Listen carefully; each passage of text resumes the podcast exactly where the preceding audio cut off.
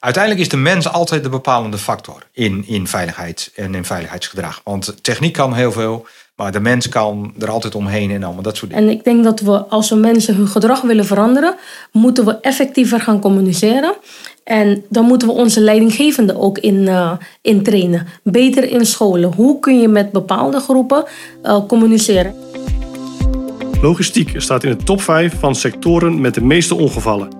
Kortom, alle reden om het onderwerp veiligheid in het magazijn serieus te nemen. Force Logistics doet dat, onder meer op het gebied van mens- en bedrijfscultuur. De vraag is hoe en wat levert het op? Ik, Peter de Weert, hoofdredacteur Warehouse Totaal, ga in gesprek met Enid Bergval, manager Health and Safety bij Force Logistics, en Jan Hommes, directeur BNWT. Enid, welkom. Uh, Force Logistics, even voor iedereen die het niet kent. Wat voor bedrijf is het precies en hoe is de warehousing geregeld? Nou, wij zijn een uh, bedrijf dat valt onder de LKQ-groep. Dat is een uh, beursgenoteerd Amerikaans bedrijf. En wij zijn uh, een logistiek bedrijf in de automotive aftermarket. Wij leveren auto-onderdelen um, binnen heel Nederland, Frankrijk, Benelux. En um, um, wij doen dat niet rechtstreeks aan de klant. Wij leveren aan de grossiers en dat komt via de garagisten, komt dat weer bij de consument terecht. En ons centraal distributiecentrum, dat bevindt zich in Berkel en Roderijs van waaruit wij het zeg maar allemaal uh, opleveren. Hoe groot is dat de DC en hoeveel mensen werken daar? Hoeveel trucks rijden daar rond? 50.000 vierkante meter. Op dit moment ongeveer 120, 130 mensen. En uh, ongeveer 50 trucks. Oké. Okay.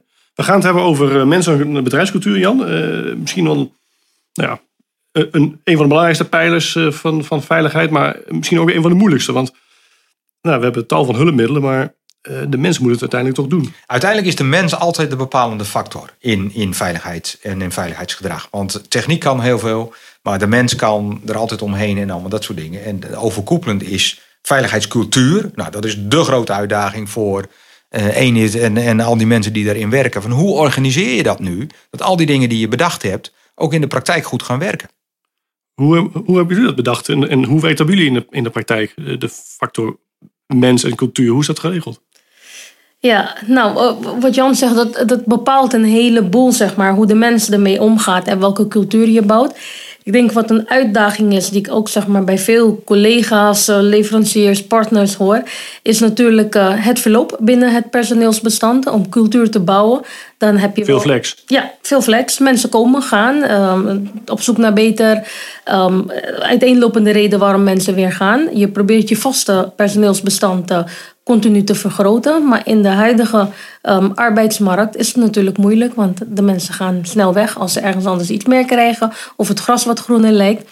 even voor, voor het beeld, hoeveel vast flex, hoe, hoe, hoe, hoe is de verhouding bij Force? Ja, dat is, uh, ja, dat is op dit moment ongeveer 40% vast, 60% flex. Um, dat zal, uh, wij zijn onze distributiecentra over Nederland terug aan het brengen naar het Centraal Distributiecentrum. Dat zal wat doen met die balans, omdat er natuurlijk vaste medewerkers terug zullen komen naar het Centraal Distributiecentrum. Dus dat is positief. Maar je dealt natuurlijk met een groep hele diverse mensen.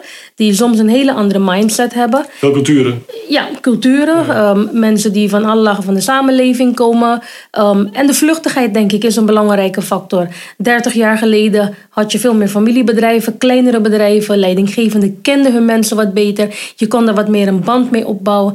Teams zijn groter geworden. Bedrijven... hoe doe je dat dan als bedrijf nu dan? Hoe zorg je dat je wel die binding want binding is belangrijk, kan me voorstellen, voor veiligheid. Hoe zorg dat die binding Zeker. Nou, wij hebben recentelijk, een paar maanden terug binnen onze organisatie, de structuur veranderd. We hebben hem iets platter gemaakt, waardoor de teams kleiner zijn geworden. Met het oog, oogmerk om inderdaad, zeg maar, wat meer teamgevoel te creëren. Dat leidinggevende hun mensen ook leren kennen. Dat je daar een band mee kan opbouwen. Dat je ze kan behouden. En dat je ze eigenlijk beter kan begeleiden om zo effectief mogelijk en zo veilig mogelijk te werk te gaan. Lijkt me toch een lastig, Jan. Dat zie je natuurlijk veel vaker in de logistiek. Die, die flex vast. Zeker in deze tijd met... met, met dat is natuurlijk de uitdaging voor, voor logistieke bedrijven. Dat is helder. Kijk, en dan maakt het ook heel belangrijk... dat je wel, zeg maar, die, die harde systeemkant... als je die goed op orde hebt... en je hebt je regels duidelijk op orde, op orde... dan is het vervolgens wel communiceren... nieuwe mensen erin meenemen en allemaal dat soort zaken. Maar als daar nog te veel onduidelijkheid zit... ja, dan wordt het een heel ingewikkeld verhaal. Kijk, als je helder hebt, als je weet wat je wilt en je hebt dat ook, ook vastgelegd, dan kun je je leidinggevende en met je vaste mensen en met iedereen, kun je gewoon gaan bouwen aan. Ja, zo doen wij dat hier. Hoe ver ben jij, Enid, met jouw team? Nou, nog niet waar ik, uh, waar ik zou willen zijn. Maar ik denk dat Jan een belangrijk woord daar gebruikte. Dat is communicatie. En ik denk dat we, als we mensen hun gedrag willen veranderen, moeten we effectiever gaan communiceren. En dan moeten we onze leidinggevende ook in, uh, in trainen. Beter in scholen. Hoe kun je met bepaalde groepen uh, communiceren? En je moet denk ik ook um, zeg maar gaan nadenken van wat spreekt mijn doelgroep aan? Hoe kom ik aan bij die mensen?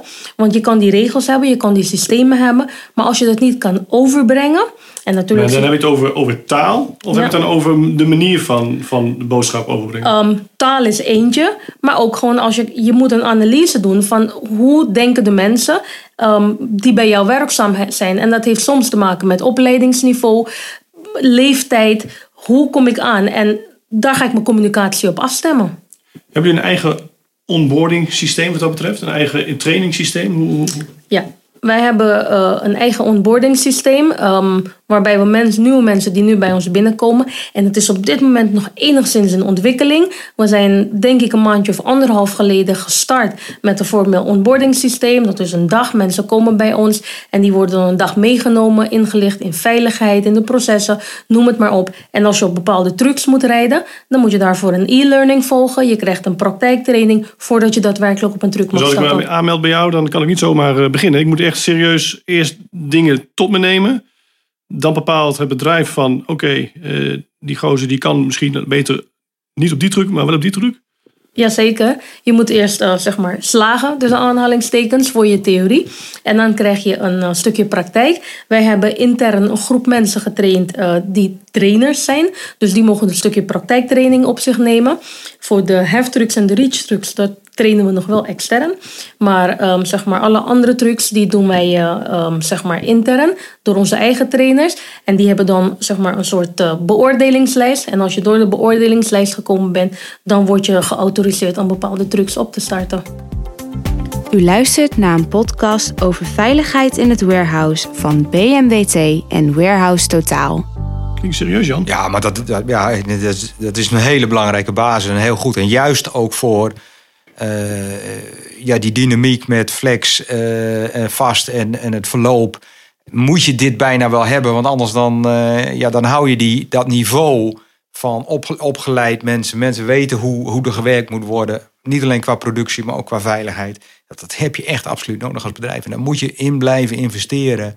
Zowel door je, door je eigen mensen te trainen, door je teamleiders te trainen. Want die communicatie, voortdurend, iedere dag met je team in gesprek gaan over... goh jongens, wat doen we hier vandaag? wat is er gebeurd? Ik ken de term dagstart. Hè? Dat gebruiken jullie dan ook? Iedere dag met de mensen op de vloer?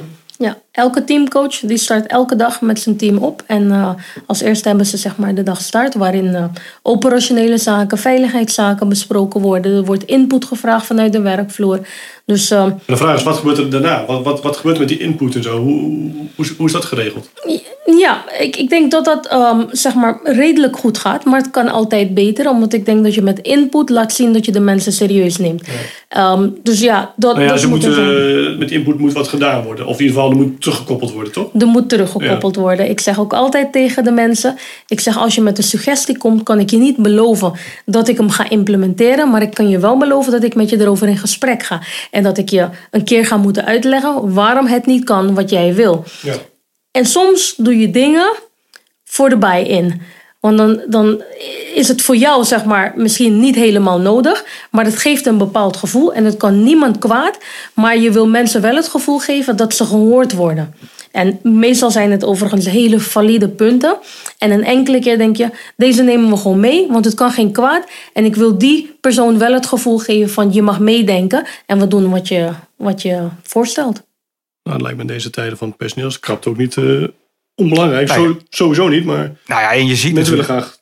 Mensen, mensen, mensen willen serieus genomen worden. En, en we zien bij alle bedrijven die werken aan, aan een veiligheidscultuur dat het ontzettend belangrijk is dat mensen op de werkvloer zich ook veilig voelen en ook gevoel hebben dat ze invloed hebben op hun werkomgeving. Want als je daar toch geen invloed op hebt, of als er een idee wordt gedaan en dat wordt elke keer aan de kant geschoven, ja, dan denken mensen, joh, prima, maar eh, daar, zoek het lekker uit. Terwijl als je mensen wel betrekt en allemaal dat soort dingen, dan wordt het ook makkelijker om elkaar aan te spreken op, ongewenst gedrag. Zeg, joh, we zien dit nu wel gebeuren, maar eigenlijk wilden we dat toch niet met elkaar. Ja, hoe en gaat dat ongewenst gedrag? Want dat gebeurt natuurlijk overal. Overal is ongewenst gedrag. M- melding, eh, eh, eh, beloning, afstrafcultuur, dat soort dingen. Nou, ik denk dat men het onderling vaak moeilijker vindt om van elkaar te horen. Om, terwijl ik het wel elke keer zeg, je moet op elkaar blijven letten. maar daar wil je naartoe, kan ik me voorstellen. Ja, ja, ja. Nou, ik zeg altijd, ik gebruik altijd als voorbeeld. Ik zeg, je wil niet dat er iets met je collega gebeurt. En dat jij s'avonds in bed ligt en denkt, ik heb gezien dat dat mis zou gaan en ik heb er niks van gezegd. Dat wil je niet. Je wil die avond niet met die gedachten in bed liggen. Dus je moet het wel doen. Maar ze vinden het moeilijk. Maar dan knikken ze meteen ja, als je dat zegt natuurlijk. Want, want niemand wil het inderdaad. Nee, Maar maar, ze vinden het moeilijk, ehm, denk ik, om elkaar eh, aan te spreken. Omdat er natuurlijk ook wel eens reacties zijn van... je bent niet de leidinggevende, wie denk je wel niet dat je ja, bent? ja. Dus dat is wel wat je, wat je hebt. En daarom denk ik dat vooral leidinggevenden daar een rol in moeten spelen. Ehm, in het traject van trainers opleiden, zeg maar de training geven, zijn we in de, een van de volgende stappen gaat ook zijn de leidinggevende leren. Wat hebben wij de mensen geleerd en waar kan je ze op aanspreken en hoe kan je ze erop aanspreken? En uiteindelijk moet je wel de kunst verstaan van mensen kunnen aanspreken en weten hoe je dat doet. En bij de een doe ik dat wat serieuzer, Maar ja, bij de ander maak ik culturen en heel veel Ja. talen is, Ja. het toch, Ja. is dat ook een, een extra uitdaging, kan ik me zo voorstellen. Ja, zeker. Iedereen En is toch anders gevoeliger of... Precies, daarom hopen we dat de kleinere teams die we gecreëerd hebben, als je weet wat iemand zijn achtergrond en zijn context is, dan kan je ook beter die persoon aanspreken. Want je weet, die persoon zit met punt A, punt B, heeft een bepaalde thuissituatie. Dan kan ik nu niet gewoon hard zeg maar, tegen zijn, dan moet ik wat verzachten. En bij de een zeg je het wat grappenderwijs, want je weet, die jongen die kan het hebben. Die weet dat je geen grap maakt, maar je brengt het op een leuke manier. Dus dan gaat hij het, eh, gaat hij het sneller oppakken. Ja. Dus dat hoop je met die kleinere teams te gaan bereiken. Dat je Intrinsieke motivatie hebben we er eigenlijk feitelijk over dan Jan, toch? Ja, maar dat... dat, dat, Dat is het allermoeilijkste wat er is. dat- nou ja, dat, Of niet? Ja, aan de, ja, aan de ene kant is dat Of allemaal... het gewenste wat je... Eh, Het is, het is wel moeilijk. Aan de andere kant is het op het moment dat je als bedrijf zegt van joh, wij willen een goed werkgever zijn. En wij willen dus eh, hier mooie producten leveren. We willen optimale dienstverlening hebben. En we willen hier een fijne, veilige werkomgeving voor mensen hebben. Dan hoort daar dus bij dat je met elkaar gaat nadenken over hoe doen we dat dan met elkaar. En dat je daar met elkaar over in gesprek gaat. En dat het niet alleen maar hoeft van, oh, ik ga jou aanspreken op het moment dat er iets niet goed gaat. Maar we gaan ook met elkaar constateren aan het eind van de shift of bij de volgende shift. Dat het de vorige keer hartstikke goed ging. En dat we goed hebben gepresteerd. En dat de dingen die we bedacht hadden met elkaar goed werken en allemaal dat soort zaken. Het is volgens mij het bespreekbaar maken van datgene wat er besproken moet worden. En geen roze olifanten laten staan in een magazijn. Maar gewoon zeggen, jongens, duidelijkheid. En niet duidelijkheid op een instruerende manier, maar gewoon met elkaar constateren. We hebben een uitdaging op het gebied van veiligheid. Want, nou, een willekeurig voorbeeld even, dat geldt bij jullie niet omdat jullie dat gereguleerd hebben. Er wordt hier te hard gereden in een magazijn. Jongens, vinden we niet acceptabel. Ja. Omdat dat een onveilige situatie oplevert. Wat kunnen we doen om dat op te lossen? Ja. En, en dan komen er vanzelf ideeën. En dat zijn mooie momenten hoor, wanneer je het teruggeeft aan de groep. En soms weten ze het ook niet. En dat is ook een leermomentje. Want dan de volgende stap Dus is, je bedoelt, ze, ze weten niet dat? ze weten het antwoord niet. Ah, oké. Ze weten het antwoord niet. En dan heb je wel zoiets van, ik heb het gevraagd. Ik ga nu met deze suggestie komen. Help me mee om dat gewoon te proberen. Je bent nu een ja, een paar maanden onderweg, als ik het zo hoor. Eh, wat, wat levert het al op? Wat, wat, wat, wat, kun, je, wat, wat, wat, wat, wat kun je daarover zeggen? Nou, ik ben eh, aangenaam verrast en erg tevreden over het rapporteren. Ook van onveilige situaties, bijna incidenten. Voor mij is dat een teken als mensen dat beginnen te zien. Dan gaan ze ook proberen om dat, eh, om dat te voorkomen. En eh, er wordt goed gereageerd op een andere manier van communiceren. Op toegankelijker communiceren. Minder tekst, meer plaatjes, ehm, meer met icoontjes. Dat, eh, daar wordt erg goed op gereageerd. En als mensen dat tot zich, als ik een manier heb gevonden hoe ik met je kan communiceren, dan kan ik ermee werken. en dan gaan we door. ja. En stap voor stap, als ik jou zo luister, of niet? Je kan het niet allemaal. Niet te veel tegelijk? Nee, je kan het niet allemaal tegelijk. Ik wilde heel veel in het begin. En uiteindelijk hebben we toch risk-based gewerkt. En gezegd, we gaan kijken waar zijn onze grote risico's. En waar beginnen we? Want je, je referentiekader is heel breed en je ziet een heleboel wat je nog kan verbeteren. Maar je zegt, ik moet wel eerst mijn grote risico's uh, moet ik, uh, terug gaan brengen. En dat is toch eigenlijk verkeersincidenten, aanrijdingen, noem het maar op. Dat je gaat kijken van, we gaan naar de opleidingen, we gaan kijken hoe kunnen we de truck zodanig programmeren. En we zien echt wel een, uh, een terugval in, in, in aanrijdingen. Ja, dat wil je natuurlijk. Zeker. En zijn er andere tips die jij hebt voor operational managers, safety managers, warehouse managers die dit ook willen? ja, ik denk dat communicatie en gedragsverandering dat dat, uh, dat, dat key is. En de rest is er omheen. Maar als ik mensen hun gedrag niet kan veranderen of hoe ze het onderwerp veiligheid benaderen, dan ga ik geen stappen maken. Um, ik denk dat er nog te vaak is. Ja, we hebben hier een, uh, een verkeersplan. Dat is er dus, dan moeten ze zich aan houden dat is een boekje. En dat zijn een aantal blaadjes wat mensen moeten gaan lezen. Hoe ga ik ervoor zorgen dat ze die informatie wel tot zich krijgen? Moet ik een filmpje maken? Moet ik een animatie maken? Moet ik een e-learning doen? Ik moet een manier zoeken waarop ik aankom. Anders heeft de rest niet zoveel zin. Jan, tot slot, jij nog een tip? Nou, ik vind wat, wat, wat Ene zegt, ik vind die risk-based analyse, die vind ik wel heel sterk. Ook omdat dat in je uitleg ook duidelijk maakt waarom je dingen doet. Niet omdat er een regel is, maar omdat je geanalyseerd hebt waar je grootste veiligheidsrisico's zitten. Veilig gedrag is het minimaliseren van risico's. Risico's kunnen niet naar nul. In een werkomgeving zijn altijd arbeidsrisico's. Maar wat je wil, is die arbeidsrisico's naar een aanvaardbaar minimum terugbrengen. En als je eigenlijk niet weet waar je moet beginnen, nou breng je grootste risico's maar eens in kaart. En begin daar maar gewoon. Goeie eerste stap. Slecht zicht, zorg dat je zicht verbetert. Slecht licht, zorg dat je licht krijgt. Wordt het te hard gereden, snelheid naar beneden. Hele simpele dingen. Klinkt zo simpel, ja. ja. In dat opzicht is het niet zo moeilijk. Wordt vervolgd, denk ik. Bedankt voor het luisteren naar deze podcast. Meer podcasts zijn te beluisteren via de website www.weerhoustetaal.nl en via Spotify.